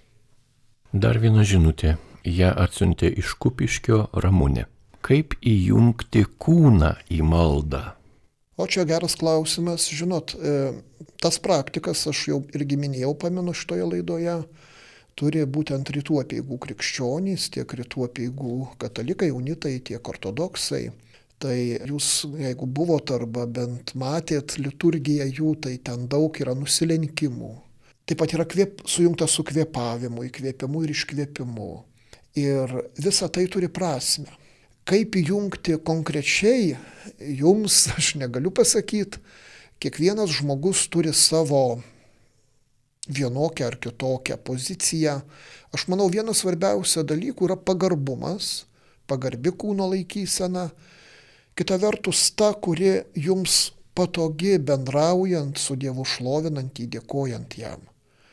Ir kūnas neturi mums trukdyti. Jis turi mums padėti. Lygiai kaip jis padeda bendraujant su kitu žmogumi, nes kūnas yra integralės mens dalis, lygiai taip ir bendraujant su Dievu. Laida eina į pabaigą, bet dar yra laiko keliom žinutėm. Kunigė Arūnai, o kokios žinutės arba kokio klausimo jūs vylėtės išgirsti, o neišgirdote? Koks tai turėtų būti klausimas? O, žinot, atvirai sakant, aš neturėjau nuostatų. Aš tiesiog atėjau labai atvirai, galvodamas, aš daugiau galvojau apie tai, kad paklaus kažko, ką aš, na, nu, galbūt nelabai galėsiu deramai atsakyti. Aš labai buvau nudžiugęs, kad aš galėjau pasakyti savo kompetencijos ribas ir žiūriu, žmonės kažkaip išgirdo ir tikrai man klausimai yra, na, tokie, kuriais aš galiu kalbėti, diskutuoti. Tai gal aš nepasakysiu, ko aš vyliausi, aš tiesiog vyliausi, kad žmonės atvirai, va kaip ten drąsiai jūsų laida vadinasi, uždavinės klausimus ir jie tą ir daro. Tai ačiū Jums. Tai dar porą žinučių. Garbė Jėzui Kristui. Ar bažnyčia, turime omeny katalikų, leidžia negyventi su alkoholiku? Ar teisingai suprantu, kad tik Dievas gali atstatyti pažeistas smegenis ir protą, bet gyventi su alkoholiku neįmanoma? Ar galiu su juo negyventi? Taip, bažnyčia leidžia atsiskirti, jeigu yra tokios labai aiškios indikacijos priežastys. Tai alkoholizmas, priklausomybė viena iš jų. Žinoma, jeigu buvo padaryta viskas, kas įmanoma, kad tas žmogus suprastų savo lygą ir pradėtų gydytis. Jeigu jis pradeda gydytis, jūs sakote, Dievas atstato. Taip, Dievas viską atstato ir chirurginėse operacijose Dievas tam tikrų būdų dalyvauja. Bet žmogus turi mažų mažiausia to norėti ir pradėti su savimi dirbti. Ir jeigu jis to nedaro, Tai laukti, kad Dievas tiesiog kažkokiu būdu paims ir viską padarys už jį, na, beprasmiška. Taip kad e, jeigu žmogus atsisako keistis, net nerodo noro, taip reiktų su tokiu žmogumu atsiskirti. Dar vienas praktinis klausimas. Ar advento vainike antra savaitė turėtų būti rodoma taip, turi degti dvi žvakės ar tik antra žvakė? Dvi. Dvi. Ir dar viena žinutė. Kas po mirties atsitiks tiem žmonėms, kurie buvo tikintis, bet nejo į bažnyčią, neturėjo bendruomenės, neturėjo dvasios tėvo ir negalėjo pilnavertiškai gyventi krikščioniško gyvenimo. Žinot, kaip rašo šventas raštas, kaip kalba Dievas per apaštalą Paulių, kiekvienas bus teismas pagal savo sąžinę. Ir mes galim matyti ne išoriškus dalykus. Žmogus neina į bažnyčią, neturi dvasios tėvo, bet na, jis praktikuoja darybės. Ir um, mes nežinom giluminių priežasčių, o kodėl jis taip elgesi. Galbūt ne iš puikybės, kaip gali ir taip būti, galbūt iš kažkokio labai gilaus sužeistumo, pavyzdžiui, patirto bažnyčio, juk taip atsitinka. Ir Dievas matys viską. Todėl aš manau, kad gailestingą ir teisingą teismą palikime jam. Na ir laidos pabaigai dar vienas klausimas. Garbėjai Kristui, dabar yra 2023 metai nuo Kristaus gimimo. Ar buvo skaičiuojami metai nuo Adomo ir Ievos sukūrimo? Buvo, buvo įvairiais laikais įvair, įvairūs kalendoriai naudojami, nuo pasaulio sukūrimo greičiau, nenaudomo ir Jėvos, bet e, Kristaus gimimas yra toks ryškus įvykis ir ryškus visai civilizacijai, visai visatai galima sakyti, kad mūsų laikas yra susijęs tik su juo.